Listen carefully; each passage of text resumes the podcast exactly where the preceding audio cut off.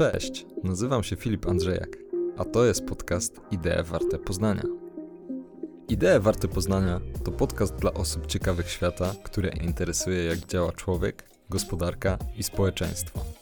To podany w przystępnej formie obraz otaczającej nas rzeczywistości, widziany oczami myślicieli, naukowców, badaczy oraz ekspertów z różnych dziedzin wiedzy. Możesz się tutaj spodziewać rozmów z ciekawymi gośćmi, a od czasu do czasu także materiałów solowych, których szerzej omawiam wybraną tematykę. Dzięki za obecność i zapraszam do słuchania.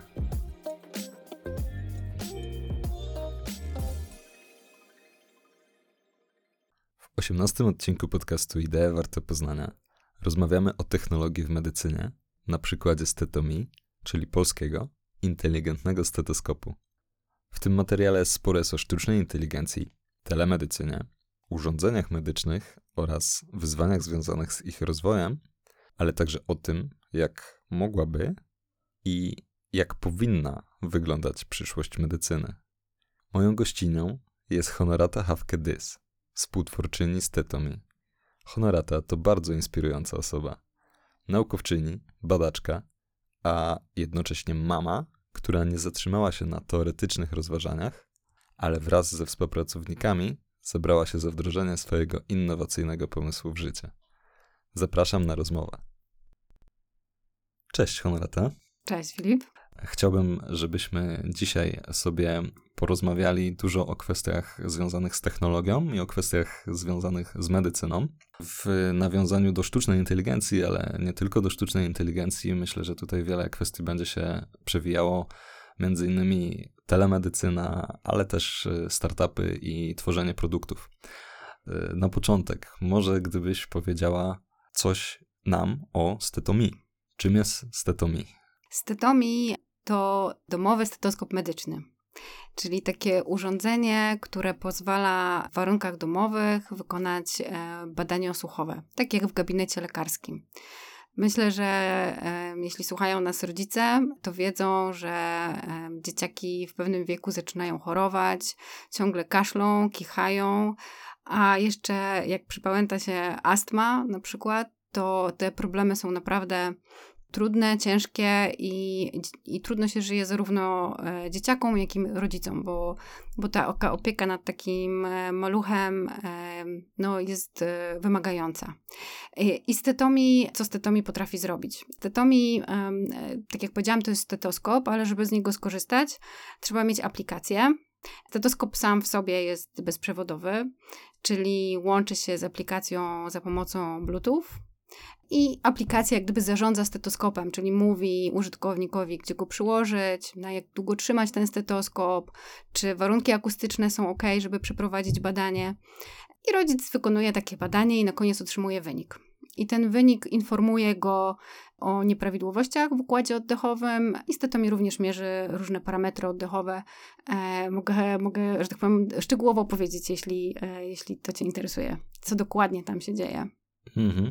No myślę, że za chwilę będziemy do tego mm-hmm. nawiązywali, ale to tak jeszcze na początek w ramach wstępu chciałbym y, zapytać cię trochę inaczej. To znaczy, jakbyś mogła, znaczy wiem, że pewnie to pytanie już nieraz y, słyszałaś, mm-hmm. możesz być nim trochę znudzona, ale gdybyś mogła powiedzieć trochę o y, genezie pomysłu, jak to się stało, że Stetomi powstało. Już opowiadam, moja ulubiona historia e, i taka wieloskładnikowa bo e, z jednej strony mm, w tej chwili e, i też jak powstawało Stetomi, to już było 5 lat temu, pracowałam na uczelni. E, jako już wtedy miałam doktorat, chyba nawet miałam, i zajmowałam się psychoakustyką. To jest taka dziedzina nauki, która koreluje parametry fizyczne dźwięku z wrażeniami subiektywnymi. I to była moja specjalizacja. I, i, i to mnie interesowało. Ale oprócz tego e, byłam już wtedy mamą e, małej Helenki i tak jak, mm, e, tak jak już wspomniałam, Helena również miała często infekcje, alergie. Zdarzało nam się trafić nieraz na taki oddział ratunkowy, bo, bo kaszel w nocy się taki suchy pojawiał. Raz trafiłyśmy i to było latem, wakacje do szpitala na dwa tygodnie. Byłyśmy w takiej ciasnej sali, gdzie było sześcioro dzieci, więc sześcioro opiekunów. No i tam było dużo czasu na, na myślenie i też na obserwację samego procesu e, opieki nad takimi maluchami. Mhm. I zauważyłam, że mm, przede wszystkim lekarze e, przychodzą głównym takim badaniem, które dla nich było istotne w ciągu dnia, to było właśnie badanie osłuchowe. Sprawdzali, co się dzieje w płucach. I każdy z nich mówił coś innego, jak usłuchiwał Helenę. I z takiej czystej naukowej ciekawości zaczęłam się zastanawiać, co ci lekarze słyszą, jak wnioskują o tym, że coś jest ok albo jest nie ok. I to było dla mnie bardzo interesujące. A z perspektywy mamy interesowało mnie już również to, dlaczego tego badania nie można wykonać w domu. Bo wolałabym być z Heleną wtedy w domu, robić te badania, niż e, siedzieć w szpitalu i czekać, aż nas wypuszczą. I tak powstała taki, taki pierwszy pomysł, mm, właściwie zainteresowanie tematem. I na uczelni razem z moim e, kolegą e, Jędrzejem dużo na ten temat rozmawialiśmy. Ale specyfiką uczelni jest to, że tam e, wiele rzeczy mm, jest badanych, to są bardzo ciekawe rzeczy, ale wyniki tych badań często trafiają do szuflady, do publikacji e, naukowej, którą mm, przeczyta kilka osób albo kilkanaście. To są badania teoretyczne. A tutaj, jak gdyby w tym pomyśle, idea była mm, nie, nie tylko naukowa, tylko żeby takie urządzenie rzeczywiście zaistniało na rynku. Mhm. E, I, e, i, wtedy, mm, e, I wtedy jakimś dziwnym trafem trafiła do nas informacja, że firma, która zajmowała się, która była z branży IT, poszukuje pomysłów z dziedziny medycyny i na zasadzie, a nuż, e, zobaczymy, co by z tego wyszło. Spotkaliśmy się wtedy e, z, z Wojtkiem, Pawłem i, i Marcinem Szajkiem i, i, i tak już zostało. E, gdzieś to dalej zostało i, i, i tą ideę jak gdyby zaczęliśmy wspólnie realizować. Czyli było to takie połączenie trochę zbiegów okoliczności, trochę różnych kompetencji, które musiały się złożyć do tego, tak, żeby ten pomysł tak. gdzieś tam od, od pomysłu właśnie przejść do jego realizacji. E, o tej realizacji sobie jeszcze za chwilę mm, porozmawiamy, ale może tu spytam cię jeszcze, jakbyś teraz miała po tych latach, e, powiedziałeś, że to już, no, już jest ponad 5 lat rozwoju tego projektu, powiedzieć, e, to jak ten produkt finalny, który teraz już macie, ma się w stosunku do tej, tej, tych pierwszych pomysłów, tej pierwszej idei? I tu cię zaskoczę, bo jesteśmy bardzo, bardzo blisko. W sensie e, raczej i, i, nawet e, jakiś czas temu odgrzebałam tego maila, e, w którym komunikowałam się wtedy z Wojtkiem i tam był pomysł na urządzenie i ono też miało w tej chwili, jak gdyby nasz produkt jest głównie skierowany do dzieci z, z astmą i, I w tym pierwszym pomyśle też padła astma i też padły świsty, więc jak gdyby bardziej ten produkt... Pierw odbiegał trochę od tego pierwotnego pomysłu, żeby na koniec do niego z powrotem wrócić. Także miał swoją taką, e, taki swój cykl, bym tak to nazwała. Mhm, mhm. Czyli gdzieś tam ta wizja się faktycznie początkowa urzeczywistniła w tym, co jest teraz. No dobrze, to teraz może porozmawiajmy sobie o tym procesie tego urzeczywistniania tej wizji. To znaczy, chciałbym Cię zapytać o, o, kilka takich punktów związanych z rozwojem projektu. No i na początek, y, ok, wspomniałeś, że spotkaliście się tutaj, mieliście kompetencje, mieliście pomysł, y, chęć do pracy. Y, no, ale wiadomo, że do tego też potrzeba środków. Gdybyś mogła opowiedzieć, jak udało Wam się pozyskać finansowanie na to, żeby zacząć taki projekt i czy było to trudno zrobić, czy, czy nie było to takie trudne na początku? No, na początku projektu um, um, oczywiście finansowanie jest zawsze kluczowe, ale też jak gdyby um, ludzie, którzy przy tym projekcie uczestniczyli, bo to nie był projekt i to nie jest projekt, który można zrealizować w kilka osób. Jest to bardzo interdyscyplinarny projekt, bo on łączy ze sobą, e, musieliśmy stworzyć własne urządzenie, czyli hardware, musieliśmy stworzyć oprogramowanie, e, stworzyć bazę dźwięków medycznych, więc potrzebowaliśmy lekarzy, inżynierów, akustyków, designerów i, i jeszcze ludzi, którzy to wszystko połączą w całość.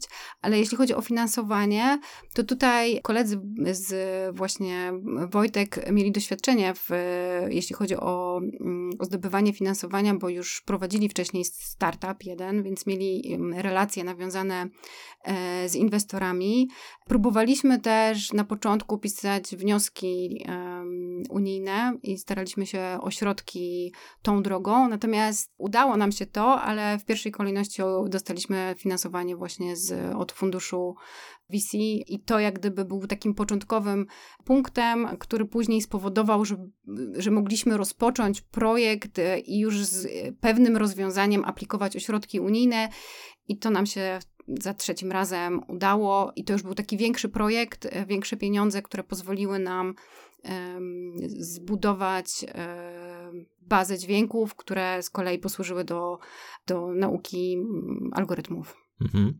O te algorytmy, ich rozwój, zbieranie danych jeszcze za chwilkę się szerzej tutaj będę chciał podpytać, bo myślę, że to jest faktycznie istotna kwestia, ale może na początek jeszcze, bo tak jak wspomniałeś, mi łączy w sobie różne rzeczy. To jest to oprogramowanie, ale to jest też fizyczne urządzenie, mm, czyli ten stetoskop. Czy trudno było zbudować takie urządzenie? Znaczy podejrzewam, że to na pewno nie było proste. E, hardware'owe rozwiązania robi się zazwyczaj trudno. Ale gdybyś mogła coś powiedzieć o tym procesie, jak to wyglądało na poziomie tych pierwszych prototypów, a później już takiej szerszej produkcji.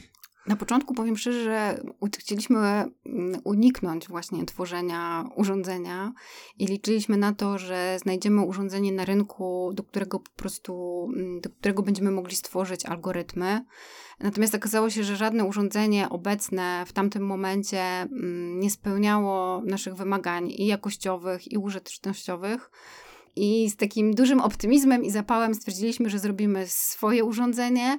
I jak z każdym pomysłem, na początku to się wydawało proste, no. Pff, e, no przecież to tylko w sumie mikrofon i albo jakiś detektor i, i, i, i do przodu, ale ale rzeczywiście okazało się to skomplikowane i tutaj trafiliśmy e, na, mm, e, nie boję się użyć tego słowa, genialnego elektronika, Tomka Wątorowskiego, który stworzył elektronikę do e, tego rozwiązania. I z kolei on współpracował z osobą, która zajęła się tą artystyczną formą i, i designem samego urządzenia, Michałem Bonikowskim i to, się, i, I to był taki naprawdę dream team, który współpracował. No ale oczywiście oprócz tej elektroniki, designów, to trzeba było włożyć całą akustykę, pomyśleć o tym e, w kontekście urządzenia medycznego. I tutaj wspólnie z, e, z akustykami robiliśmy dużo testów, e, część z nich na uczelni, w komorze bezechowej. Tworzyliśmy wiele prototypów, stożków, wiele materiałów testowaliśmy, robiliśmy wiele wydruków 3D.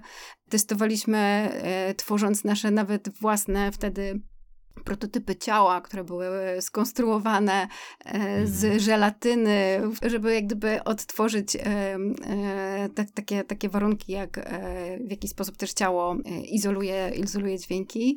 I tutaj, tutaj włożyliśmy w to dużo pracy, no bo była, to była najistotniejsza część tego rozwiązania i, i mierzyliśmy i próbowaliśmy różnych rozwiązań w zakresie też właśnie czujników, które, mm, które chcieliśmy wykorzystać.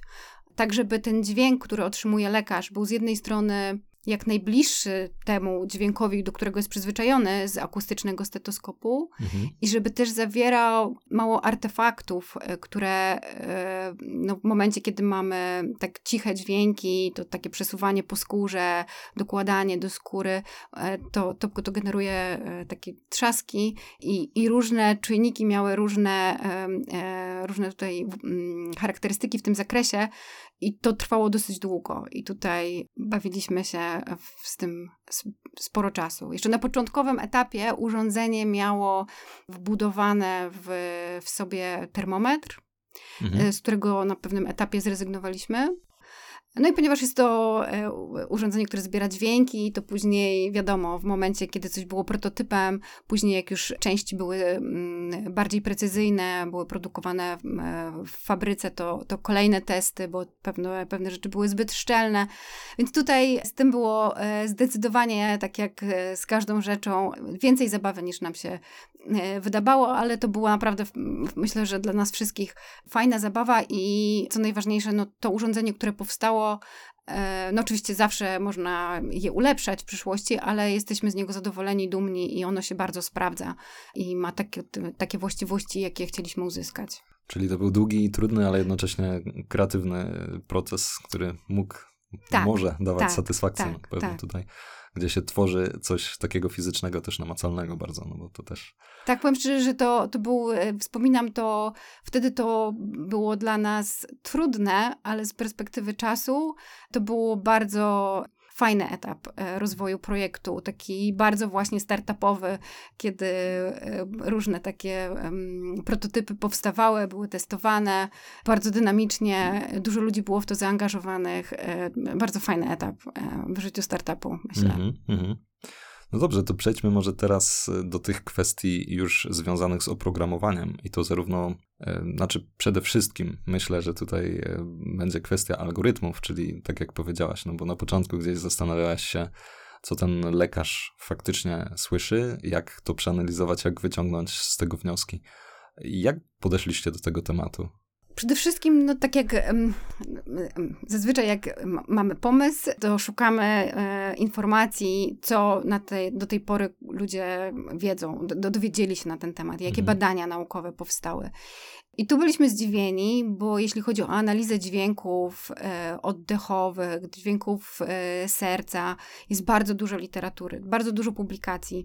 To, to, to były dziesiątki publikacji. Natomiast i prześledziliśmy je wszystkie, natomiast one wszystkie były mocno teoretyczne, albo wnioski, albo badania były bardzo wykonywane w warunkach takich laboratoryjnych, których w takim normalnym świecie nie istnieją, albo na bardzo małej próbie. I wydawało nam się, że to będzie takie proste, bo bo przecież tyle jest wiedzy na ten temat, a tutaj musieliśmy mieć trochę inne podejście. Na początku też myśleliśmy, że to będzie prostsze, to znaczy, że te dźwięki są bardziej jednoznaczne, mhm. że to, co słyszy lekarz, to jak przyjdzie, e, e, to, to, to jest bardzo wyraźne i każdy z lekarzy będzie myślał podobnie. E, już na początku projektu okazało się, że największym wyzwaniem będzie to, że brakuje nam takiego złotego standardu. To znaczy, mm, mhm. lekarze mm, w zależności od swojego doświadczenia, umiejętności, podręcznika, z którego się uczyli, inaczej te dźwięki interpretują. E, w związku z tym trudno jest znaleźć cechy akustyczne, no bo dla każdego lekarza jest to, jest to coś innego. I to było dla nas bardzo duże wyzwanie i też e, jak gdyby pokazało nam, że nie możemy pójść taką tradycyjną metodą i jakiś znaleźć prosty parametr akustyczny, który będzie nam mówił, co, e, co się dzieje w płucach i że będziemy musieli pójść w tą stronę bardziej zaawansowanej sztucznej inteligencji. Więc to był jak gdyby wybór związany z specyfiką produktu i na początku nie myśleliśmy nawet o, o, o sztucznej inteligencji. Ale to wyzwanie, że tak naprawdę e, musieliśmy zasymulować układ słuchowy lekarza, mhm. a właściwie nie lekarza, tylko konsylium lekarskiego, które się zgodzi, że to jest ten określony dźwięk, e, spowodowało, że, że musieliśmy pójść tą ścieżką i tu też mieliśmy szczęście do, do ludzi. Stetomi ma naprawdę szczęście do ludzi i, i mamy mm, zespół, który mm, zajmuje się właśnie mm, machine learningiem no, na światowym poziomie. Mhm. Czyli to były kluczowe kwestie, jeżeli chodzi o rozwój, rozwój samych algorytmów. Natomiast ja też tu trochę nawiążę do rozmowy w podcaście w 16 odcinku z Ligią Kornowską na temat wykorzystania w ogóle sztucznej mhm. inteligencji w zdrowiu. I Ligia tam wspomniała o tym, że kluczową kwestią jest pozyskiwanie danych i tego, jak dobre dane dla tych algorytmów zapewnimy. Jak wy sobie poradziliście ze zbieraniem danych do tego, żeby nakarmić e, algorytmy sztucznej inteligencji, które rozwijaliście? To było duże wyzwanie, ponieważ e, nie, nie ma dostępnych baz dźwięków osłuchowych, i więc musieliśmy taką bazę e, stworzyć od podstaw. A ponieważ mówimy tutaj o dzieciach, które chorują, więc w głównej mierze nagrywaliśmy dźwięki w szpitalach. Lekarze nagrywali te dźwięki za pomocą e, stetoskopu i, i te dźwięki trafiały do naszej bazy, która uczyła algorytmy. To jest trudne, ponieważ no, wymaga bardzo dużo też e, rzeczy formalnych, e, zgód komisji bioetycznej, zgody szpitala, zaangażowania lekarzy. Wszyscy wiemy, że lekarze mają dużo pracy i, i, i, i, dosyć trudno, trudno nam było na początku pozyskać takie zaangażowanie ze strony środowiska lekarskiego, e, no bo po prostu to była dodatkowa rzecz, którą musieli wykonać, a, a mieli i tak e, sporo swoich, e, swoich obowiązków. Natomiast bardzo nam tutaj pomogła klinika w Poznaniu, szpital Joneszera i pani profesor Bremborowicz, która uwierzyła w projekt i zaangażowała swoich lekarzy młodych do, do właśnie zbierania um, dźwięków. Później również profesor Emeryk z Lublina i coraz więcej lekarzy um, dowiadywało się o projekcie. Zaczęło nam ufać, że to, co robimy, ma sens i że pomoże im w przyszłości. I tak stopniowo było nam coraz łatwiej poruszać się w tym świecie medycznym, który na, na, na, początku był taki dla nas bardzo zamkniętym tworem, bo wśród założycieli nie, nie, ma lekarza, więc, więc tutaj wykonaliśmy dużo pracy, żeby lekarze zrozumieli i też zaufali nam, że to, co robimy, jest mm, wysokiej jakości. Więc tutaj, oprócz oczywiście dźwięków takich w szpitalach od dzieci, um, które miały różne schorzenia, e, nagrywaliśmy oczywiście też osoby dorosłe, osoby zdrowe, dzieciaki w przedszkolach. Mhm. E, to są olbrzymie liczby, bo tych nagrań, które zostały wykorzystane do certyfikacji, to jest powyżej 40, 45 tysięcy e, mniej więcej e, dźwięków osłuchowych, a ponad milion tagów medycznych, bo każdy taki dźwięk, który został nagrany, powiedzmy dźwięk oddechowy o długości 15 sekund, każdy z tych dźwięków był odsłuchiwany przez trzech lekarzy, którzy to opisywali i weryfikowali jeden drugiego, żebyśmy mieli mhm. spójność w opisywaniu, plus dwóch akustyków.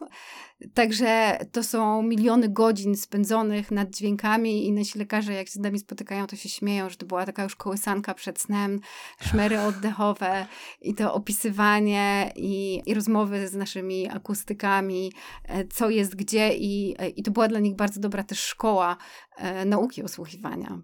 No tak, czyli to było ogromne przedsięwzięcie, no ale tak jak się mówi przy tych rozwiązaniach opartych o sztuczną inteligencję, to, to rozwiązanie jest, tak. jest tak dobre jak dane, którymi zostały nakarmione algorytmy i no, bez tego nie da się zrobić czegoś faktycznie dobrze funkcjonującego. E, rodzi mi się tutaj od razu jeszcze kilka mm, wątków, kilka pytań w głowie. Powiedz mi jeszcze a propos samych tych dźwięków, bo tutaj e, Stetomi teraz wyspecjalizowało się w dzieciach. Czy te dźwięki dla dzieci, dla dorosłych jakoś się od siebie różnią? Czy można tutaj jakieś generalne algorytmy stworzyć i generalnie te dane wykorzystać? Można zrobić takie generalne dane, natomiast u dzieci, dlaczego my się skoncentrowaliśmy na dzieciach? I dzieciach przede wszystkim z astmą, ponieważ to jest taka grupa, która mm, jeszcze nie potrafi do końca komunikować tego, jak się czuje, nie może korzystać e, z urządzeń, które, których mogą korzystać dorośli, czyli na przykład w przypadku astmy mamy spirometrię, mamy pikflometr, E, ale to są narzędzia, gdzie już trzeba bardzo świadomie z nich korzystać e, i, i, potrafić to zrobić, i te dzieciaki takie młodsze tego nie umieją zrobić, więc tak naprawdę rodzic jest zostawiony sam sobie i nie ma żadnego narzędzia do sprawdzenia, co się dzieje w płucach. U osób dorosłych już jest łatwiej bo y, są świadomi bardziej swojego ciała, są różne narzędzia y, i też są trudniejsi pod tym kątem, że y, jak jest dorosły człowiek, to czasami ma już jakieś choroby współistniejące, e, jakieś zmiany w płucach, które powodują zmiany, które występują na stałe. Dodatkowo tej tkanki jest więcej, więc te dźwięki są trochę cichsze. Więc tu jak gdyby algorytmy działają i dla dzieci, i dla dorosłych, i tu jak gdyby nie ma problemu, natomiast sama użyteczność rozwiązania w naszej opinii jest dużo wyższa dla, e, dla dzieciaków. E, a jeśli chodzi o te dźwięki, to mm, to, to, to, są dźwięki, które oczywiście biorą się z tego, że coś się w płucach dzieje. Czyli w przypadku astmy, astma jest chorobą, w której oskrzela kurczą się, czyli ich mhm. przekrój nagle robi się mniejszy, co powoduje, że powstają, jak oddychamy, zaczynamy świszczeć. E, I powstaje taki świszczący dźwięk, który właśnie wyłapywany jest przez stetomi. Z kolei jak pojawia się zapalenie płuc albo zapalenie oskrzeli, to pojawiają się takie dźwięki lekarze je przyrównają do e, chodzenia po śniegu albo po, do pękającego popcornu. To są takie trzaski, które są skorelowane z fazami oddechu i one są związane z wydzieliną i e, z pęcherzykami płucnymi. Także mm, tak, tak to wygląda. Okej. Okay. E, wspomniałaś słowo certyfikat, certyfikacja. to, to jest, to jest kolejny punkt na, mhm. na mojej liście, kolejne pytanie, które chciałem zadać, ponieważ no, też, też Ligia w tym, w tym naszym materiale o sztucznej inteligencji w zdrowiu o tym wspominała, ale to tak, no, mamy urządzenie medyczne, czyli ono musi, żeby wejść do użytku, musi przejść odpowiednią certyfikację. I teraz, y, jeśli się tutaj nie pomylę, to nie była też jedna certyfikacja, tak? Tylko musiało być ich więcej, to znaczy dla urządzenia i dla algorytmów, czy tak, tak faktycznie było? tak, tak. Urządzenie, e, znaczy od początku wiedzieliśmy, że nie chcemy tworzyć gadżetu i nie chcemy, żeby to było, e, chcieliśmy stworzyć urządzenie medyczne i tak jak mówisz, to się wiąże e, z certyfikacją, czyli ze sprawdzeniem przed wyjściem na, na rynek wszystkich, zapewnieniem bezpieczeństwa dla użytkownika i to bezpieczeństwo jest związane zarówno e, z wymaganiami e, dotyczącymi e, testów elektroniki, jak i biokompatybilności, jak i oceną kliniczną rozwiązania. I tutaj osobno wykonywane te badania były dla samego stetoskopu, gdzie to było łatwiej, bo mogliśmy się porównywać do elektronicznych stetoskopów lekarskich, które są na rynku.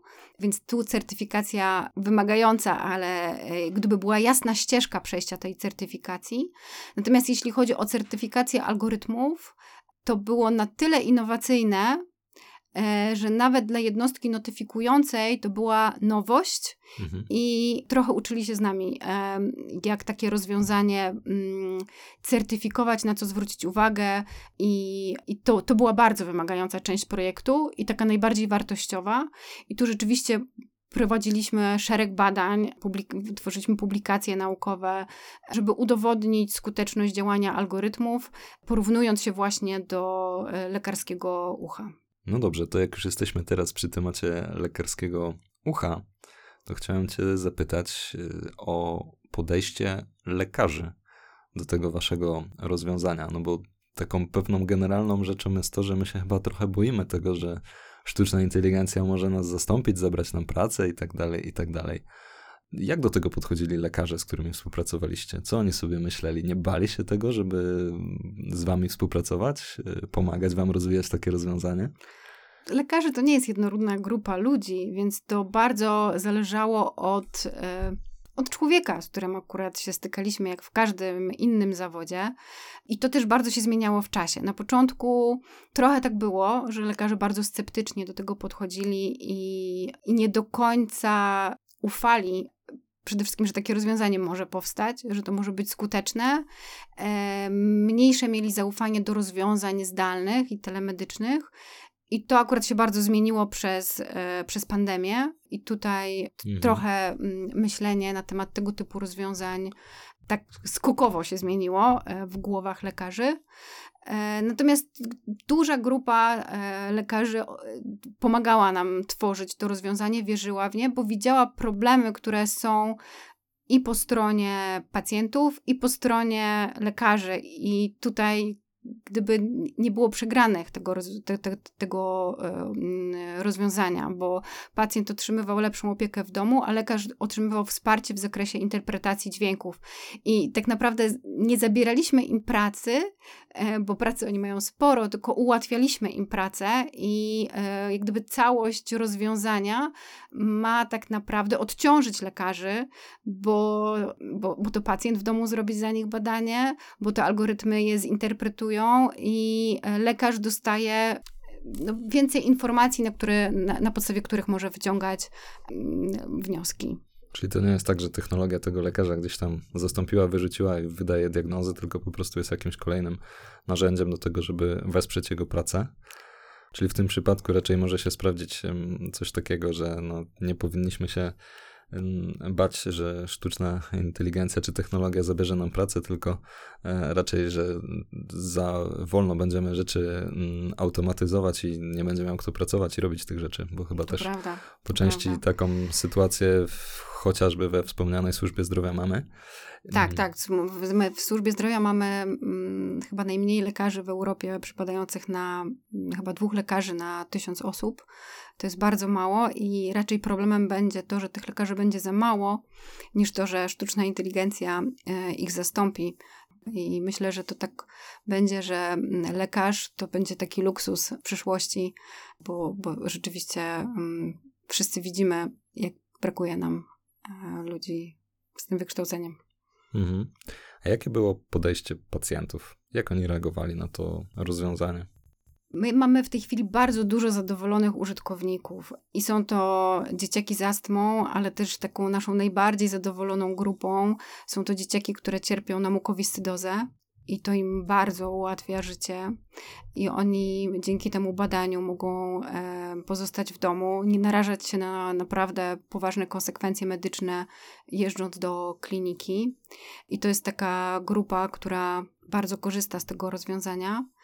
Natomiast zarówno w przypadku lekarzy, jak i pacjentów trochę musiało się zmienić myślenie. Stetoskop jest narzędziem, które powstało już ponad 200 lat temu i od 200 lat jest tylko w rękach lekarza. I teraz podzielenie się tym stetoskopem e, z rodzicem jest trudne. E, jest to zmiana, która musi się dokonać w umysłach i pacjentów, i lekarzy i jest to powolny proces. Natomiast jak już pacjenci posmakują i zobaczą wartości, to, to, to wtedy, wtedy mm, ten problem, e, ta, ta, ta bariera znika. I podobnie lekarze. E, jak e, zobaczą, że mogą mieć dobrej jakości dźwięk, że mogą dostać wsparcie wtedy, kiedy czują się niepewnie w diagnostyce, że to jest coś, co im ułatwia życie, a nie właśnie ich zastępuje, to wtedy mówią: Wow, super.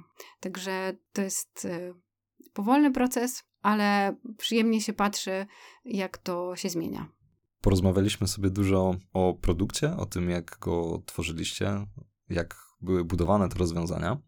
No ale teraz porozmawiajmy jeszcze może o innym takim bardzo istotnym aspekcie, to znaczy, że mając ten produkt i mając rozwiązanie, no to trzeba go wprowadzić na rynek, trzeba jakoś na nim zarabiać. Gdybyś mogła powiedzieć, jak wy to robicie, jaki macie model biznesowy, w jaki sposób sprzedajecie, chcecie, żeby Stetomi docierało do waszych pacjentów, do lekarzy, do szpitali i tak.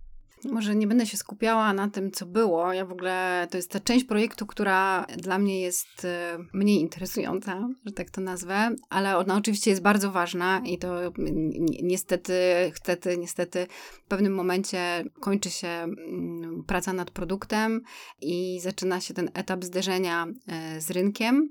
W tej chwili Stetomi jest dostępne na naszej stronie, czyli tak naprawdę każdy, kto ma potrzebę skorzystania ze Stetomi, może takie urządzenie kupić albo wypożyczyć, e, żeby przetestować je mm, przez okres trzech miesięcy więc to jest model B2C. Natomiast ten model docelowo chcielibyśmy, żeby nas doprowadził do tego, że nasze rozwiązanie będzie proponowane systemowo.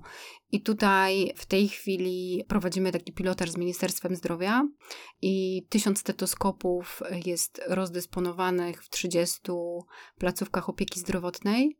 I stetoskopy dostają pacjenci, tutaj pacjenci dorośli, którzy przeszli COVID, mają choroby przewlekłe i z mm, zacisza domowego mogą wykonać badanie i e, przesłać je do lekarza. Wczoraj rozmawiałam z kolegami, w tej chwili już jest 70 tysięcy takich badań e, w ramach tego pilotażu, więc e, pacjenci z tego korzystają.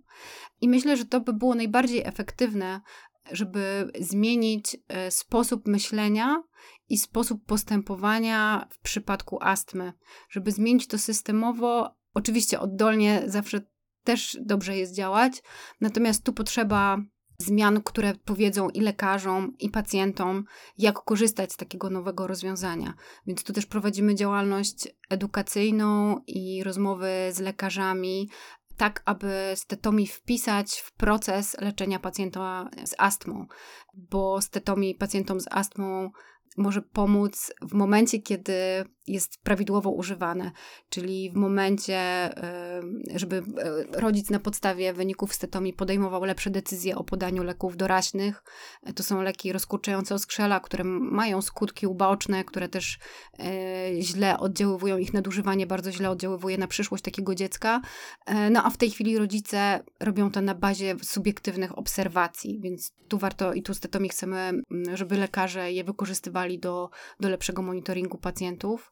Też pacjenci z astmą to są pacjenci, którzy mają częste infekcje, więc do monitorowania i śledzenia e, zmian w płucach i, i, pojawienia się zapalenia płuc, czy jeżeli pacjent jest e, bezobjawowy, ale stetomii wykryje u niego zmiany osłuchowe, no to dla lekarza to jest wskazówka, że to leczenie należałoby zmienić, zmodyfikować. Też e, jak, jak, jak, leczymy choroby przewlekłe, to w tej chwili w systemie jest tak, że mm, pacjent trafia do pulmonologa raz na jakiś czas, raz na trzy miesiące, raz na pół roku i lekarz tak naprawdę widzi wtedy dziecko i ono wcale nie musi być wtedy chore, nie musi mieć zaostrzenia i dawkuje leki w oparciu o raportowanie lekarza.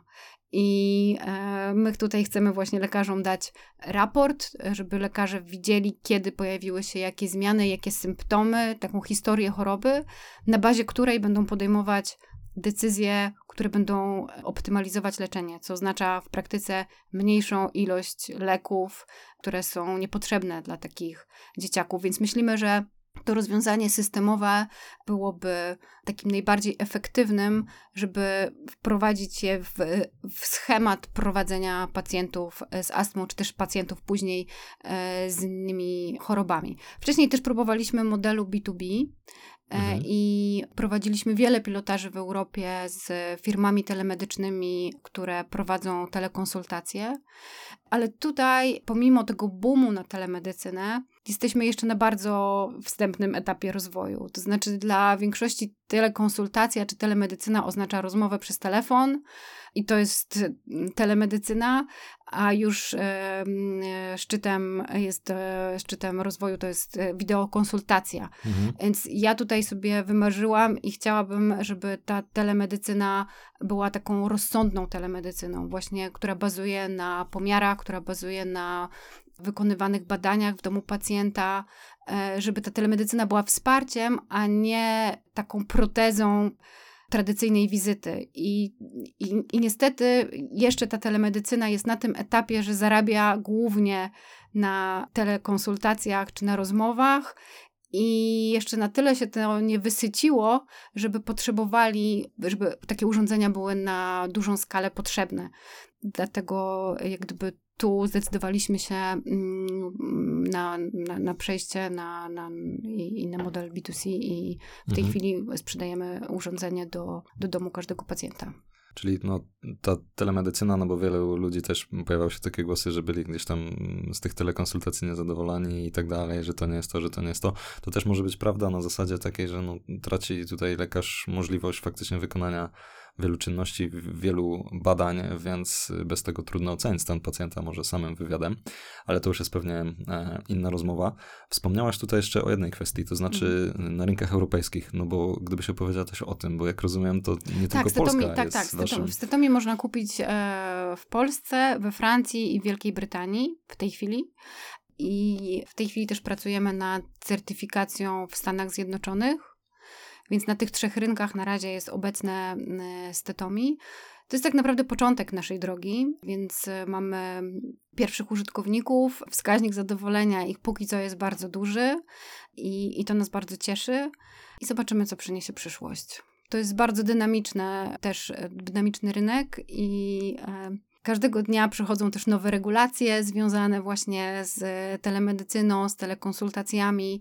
Ostatni rok był bardzo dynamiczny w tym zakresie i tak jak mówisz, to musi się uspokoić i unormować, tak żeby mm, telemedycyna służyła ludziom, a nie była obejściem jak gdyby tradycyjnej wizyty, bo takie hybrydowe leczenie w oparciu o tradycyjny kontakt z lekarzem, wspomagane telemedycyną, to jest świetne rozwiązanie i przydatne i pacjentowi, i lekarzowi, a zastępowanie tego kontaktu pacjent-lekarz i przenoszenie go tylko na poziom rozmowy na telefon to nie jest coś, co, w co chcemy się wpisywać. A powiedz mi jeszcze tutaj taka kwestia, jak przy tej ekspansji na rynki zagraniczne mhm. i gdzieś tam pracy na innych rynkach, to czy faktycznie algorytmy muszą być modyfikowane? Czy to jest tak, że tutaj będzie się to różniło w zależności, nie wiem, ten nie, pacjent w Stanach nie, będzie nie, inny? Nie, czyli tutaj... Nie, nie. Myśmy robili co prawda badania, ale tutaj w zakresie dźwięków y, generowanych przez płuca nie ma tutaj zmian. E, jakby certyfikat oczywiście obowiązuje w całej Unii Europejskiej i jeszcze w innych rynkach. No, jeśli chodzi o rynek amerykański, tam są trochę inne wymagania i inna, inne, mm, inna praca będzie włożona w to, żeby uzyskać FDA e, i to mm, będzie trudny proces w kontekście algorytmów, bo rzeczywiście mm, po takiej pierwszej fali certyfikacji różnych rozwiązań sztucznej inteligencji pojawiły się pierwsze problemy i teraz ten rynek regulacji też się uczy tego, jak certyfikować sztuczną inteligencję, na co zwrócić uwagę, właśnie to, co mówiłeś, e, jakie bazy zostały wykorzystane do uczenia sztucznej inteligencji, ale też bardzo ważna rzecz, o której wielu zapomina, o tym, że oprócz tego, że sztuczna inteligencja uczy się na jakiejś bazie dźwięków, to później podobnej jakości musi dźwięki otrzymywać. I bardzo ważną rzeczą, która też u nas jest bardzo istotna, jest to, żeby dźwięki, które zbieramy w domu, były na tyle dobrej jakości, żeby super algorytmy e, je przeanalizowały prawidłowo. Więc tutaj my też mamy drugi system sztucznej inteligencji, mhm. który zajmuje się tylko i wyłącznie weryfikacją jakości. Czy to jest dźwięk, który sztuczna inteligencja może przeanalizować, bo możemy sobie wyobrazić e, rozwiązanie, że nie wiem, przykładamy stetoskop do, do czoła i tam nie będzie dodatkowych dźwięków posłuchowych ani nieprawidłowych i dostaniemy wynik, że wszystko jest ok, albo pacjent przyłoży źle na klatce piersiowej stetoskop.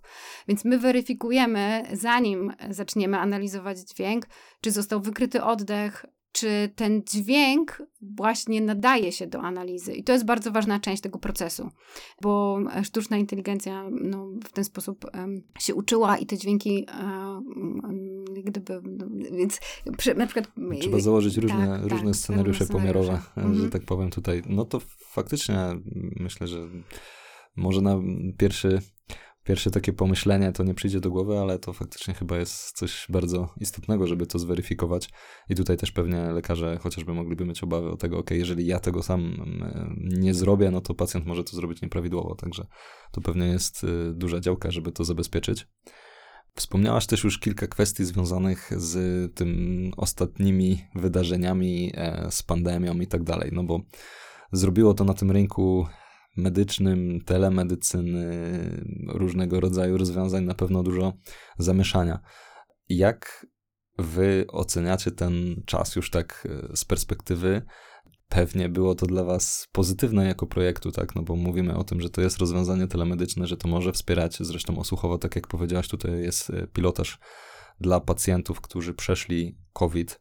E, jak tak z perspektywy czasu oceniasz ten okres i jak myślisz też, czy to pchnie całą medycynę w kierunku właśnie szukania, adaptowania nowych rozwiązań?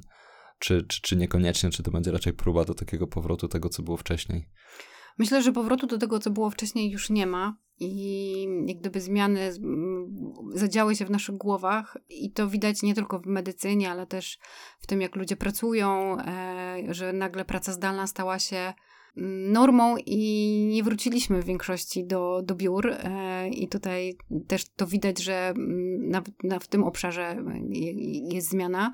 Natomiast dla nas ten okres był bardzo burzliwy, bo oczywiście wpisywaliśmy się w trendy tego, co się działo, czyli nagle pojawiła się choroba, która atakowała płuca, pojawiła się telemedycyna, i, tutaj. Mm, zachowaliśmy się bardzo odpowiedzialnie. To znaczy, nie obiecywaliśmy gruszek na wierzbie ludziom, nie próbowaliśmy wykorzystać tej sytuacji i staraliśmy się bardzo pomóc. I zaczęliśmy tutaj od pomocy lekarzom, którzy mm, nagle pojawił się problem z akustycznym stetoskopem, bo lekarze w tych skafandrach ochronnych nie byli w stanie używać stetoskopów tradycyjnych. Mm -hmm.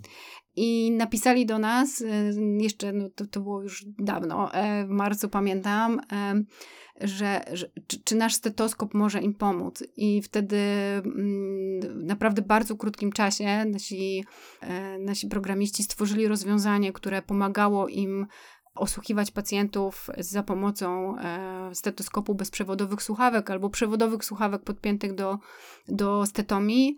I tak stetomii trafiło na oddziały covidowe, trafiły do karetek, e, Ratownicy są bardzo zadowoleni ze stetomii. Pediatrzy pożyczali od nas stetomii, zostawiali e, pacjentom wtedy pod drzwiami, żeby ich osłuchać. I to był dla nas ten przełom też, że lekarze zaczęli dostrzegać wartości tego rozwiązania i przełamali się, żeby z niego korzystać. I jak już przełamali się, to już z, gdyby mm, spodobało im się um, i zobaczyli, zobaczyli wartość w tym rozwiązaniu. Um, natomiast dużo pojawiło się też firm i startupów, które próbowały gdyby skorzystać na tej sytuacji, obiecywały, e, że wykrywają COVID i, i tak dalej. My od początku mówiliśmy, że tak, stetomi wykrywa dźwięki, które są charakterystyczne do zapalenia płuc, ale nie jest to narzędzie do e, wykrywania COVID mhm. e, i ono znajduje swoje zastosowanie, ale w określonych ramach.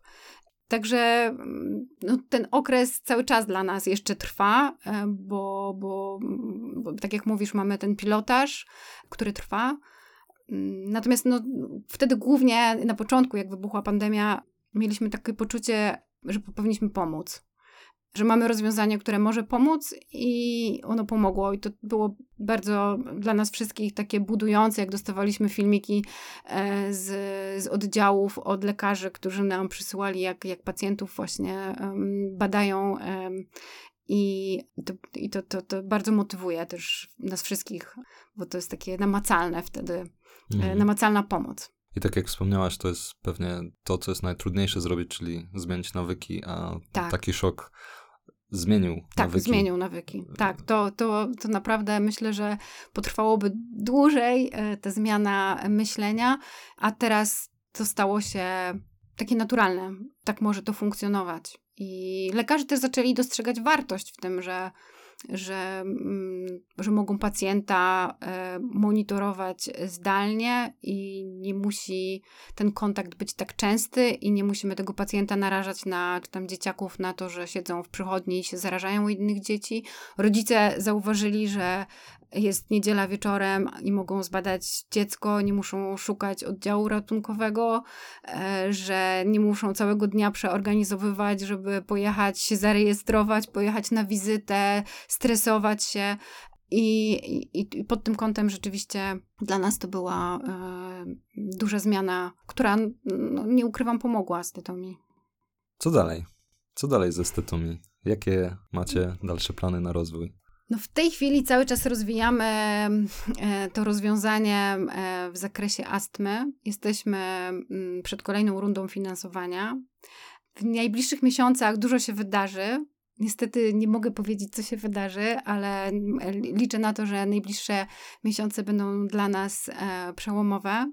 I, i liczymy na to, że mm, chcielibyśmy przekonać jak największą rzeszę przede wszystkim lekarzy do tego, żeby korzystali wspólnie z pacjentami z tego rozwiązania, bo tutaj no, mamy tą trudną sytuację, że nie mamy jednego klienta, tylko tak naprawdę mm, e, sukces tego rozwiązania będzie polegał na tym, jeśli lekarz, pacjent wejdą w kooperatywę i będą e, wspólnie z tego rozwiązania korzystali. No cóż, no ja mogę powiedzieć, że trzymam kciuki za powodzenie, e, rozwój tego Trzymaj projektu i, i, myślę, że super by było, gdyby takie innowacyjne projekty też e, z Polski wchodziły nie tylko u nas, ale w ogóle szerzej na świecie e, promowały nas i pokazywały, że potrafimy też zrobić projekt, a nie być tylko gdzieś tam dostarczycielami technologii dla innych projektów, innych państw. A tutaj w tej kwestii to faktycznie mm, Stetomi zostało bardzo szeroko zauważone, bo i w sumie już od, e, od jakiegoś czasu udało nam się naprawdę wiele konkursów startupowych wygrać. Byliśmy zwycięzcami Philips Innovation Challenge, czy mm, konkursu, który był organizowany przez Roche, czy mm, tych konkursów było bardzo dużo i jak gdyby nie tylko osoby w jury doceniały ideę samą, ale też e, udało nam się otrzymać nagrodę publiczności, która jest zawsze szczególnie cenna. I, i, i to jest super, e, że, że, tak, że tak powiem, ta idea jest zauważona i myślę, że ta praca, którą włożyliśmy przez te lata, właśnie tak jak mówisz, e, pokaże, że takie innowacyjne projekty warto robić i, i one um, mają szansę naprawdę zmienić coś w pozytywnym tego słowa znaczeniu. Bo, bo tutaj mi się marzy właśnie takie myślenie o wartościach, nie tylko w kwestiach e, właśnie sukcesu finansowego, tylko w kontekście dostarczenia realnej wartości ludziom. I myślę też, że wielu ludzi, którzy pracuje w Stetomi i którzy nam, którzy nam pomagają, właśnie są z nami, ponieważ chcą dać ludziom coś wartościowego. I to jest w ogóle super obserwować taką potrzebę u ludzi, takiego, mm, takiej pomocy innym ludziom. A wiemy, że jeśli chodzi o technologię, e, ja przynajmniej tak zawsze miałam, nie, nie, nie jestem technologicznym freakiem, e, natomiast jeśli chodzi o choroby, zwłaszcza choroby u dzieciaków, to gdzieś tam w środku ma się taką niezgodę na to. I, i bardzo dużo można z siebie wykrzesać energii, e, żeby stworzyć coś, żeby z tej niesprawiedliwości te dzieciaki powyciągać, bo no bo gdzieś tam pewnie jako ludzie mamy coś takiego, że, że no, to nie od nas zależy, co się czasami nam w życiu przydarza i jest to fajne, że, że takie projekty mogą się, mm, takie projekty mają szansę zaistnieć. No, myślę, że jesteście świetnym przykładem projektu i też tych motywacji, o których wspomniałaś. Myślę, że potrzebujemy więcej takich projektów, aby było ich jak najwięcej. No to teraz już takie ostatnie, ostatnie pytanie, takie, które staram się wszystkim moim gościom na koniec zadać. To znaczy pytanie o przyszłość. A, już tak szeroko, już tak szeroko, tak futurystycznie szeroko. Jak ty widzisz przyszłość medycyny, przyszłość telemedycyny, przyszłość sztucznej inteligencji w medycynie, tego typu rozwiązań?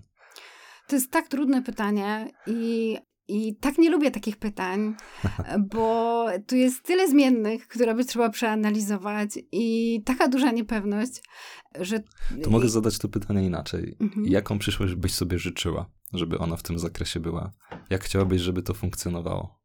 Tak, ja, ja bardzo bym chciała, żeby w przyszłości i w ogóle w tej chwili i tu trochę odbiegnę od technologii, żebyśmy skupiali się na prewencji w zakresie zdrowia i na takiej proaktywnej postawie utrzymywania się w zdrowiu, niż na leczeniu określonych chorób.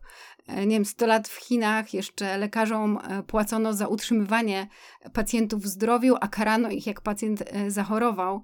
I to jest fajne podejście, moim zdaniem, w medycynie, żeby skupiać się na tym, żeby uniknąć chorób, niż na tym, żeby później szukać na nie lekarstwa. I e, myślę, że czasami recepta jest bardzo prosta i ona wcale nie jest w takiej wysokiej i zaawansowanej technologii, tylko w, w szukaniu e, czasami większego spokoju w życiu. E, czasami recepta jest prostsza niż nam się wydaje, i żebyśmy mm, właśnie funkcjonowali w sposób taki który pozwala nam się utrzymać w zdrowiu i, i, i wypadli z takiego e, wyścigu, który jednak cały czas, e, w który cały czas dajemy się wkręcać i mamy tego czasu e, za mało, chorujemy więcej i, i to się tak zamyka, nie? Takie koło. Życzysz sobie tego, żebyśmy po prostu bardziej o siebie dbali wszyscy, a będzie też zdrowiej dla wszystkich. Tak, a jeśli chodzi o sztuczną inteligencję, to, to akurat tutaj jestem przekonana, że ona znajdzie, e, ona już znalazła swoje miejsce w medycynie i cudownie, że, że ułatwia życie lekarzom, zwłaszcza w, właśnie w analizie, w, w czynnościach, których lekarze nie chcą e, wykonywać i e, zajmuje im to dużo czasu i w których sztuczna inteligencja jest dużo lepsza od ludzi, więc świetnie, że, że to się dzieje i to jak gdyby będzie standardem za chwilę, więc tutaj nie mam wątpliwości. No tutaj na pewno ciekawym tym obszarem jest genetyka. To e, ostatni rok nam, czy ostatnie dwa lata pokazały, jak to wszystko może się nagle wywrócić do góry nogami, ale też pokazały, jak nauka e, przez to, że była tworzona przez tyle lat, potrafi szybko na, na takie problemy zareagować. A z drugiej strony, mm, no wiadomo, te, te problemy pewnie będą coraz większe z powodów różnych. Tak jak powiedziałaś, to też Ligia też o tym mówiła, że no właśnie sztuczna inteligencja też może dołożyć jakieś swoje trzy grosze do pracy nad tym, aby mm, ochrona zdrowia dbała o faktycznie ochronę zdrowia i zapobieganie tego, żebyśmy nie zachorowali, o monitorowanie, wczesne wykrywanie różnych rzeczy i, i miejmy nadzieję, że w tym kierunku to pójdzie i jakoś pomoże temu naszemu systemowi. Tak, ja tutaj chciałam powiedzieć, że ja na przykład nie, nie, nie mam żadnych wątpliwości, że mamy ludzi, którzy technologicznie e, czy naukowo są w stanie bardzo szybko e, znaleźć rozwiązania na różne problemy tego świata.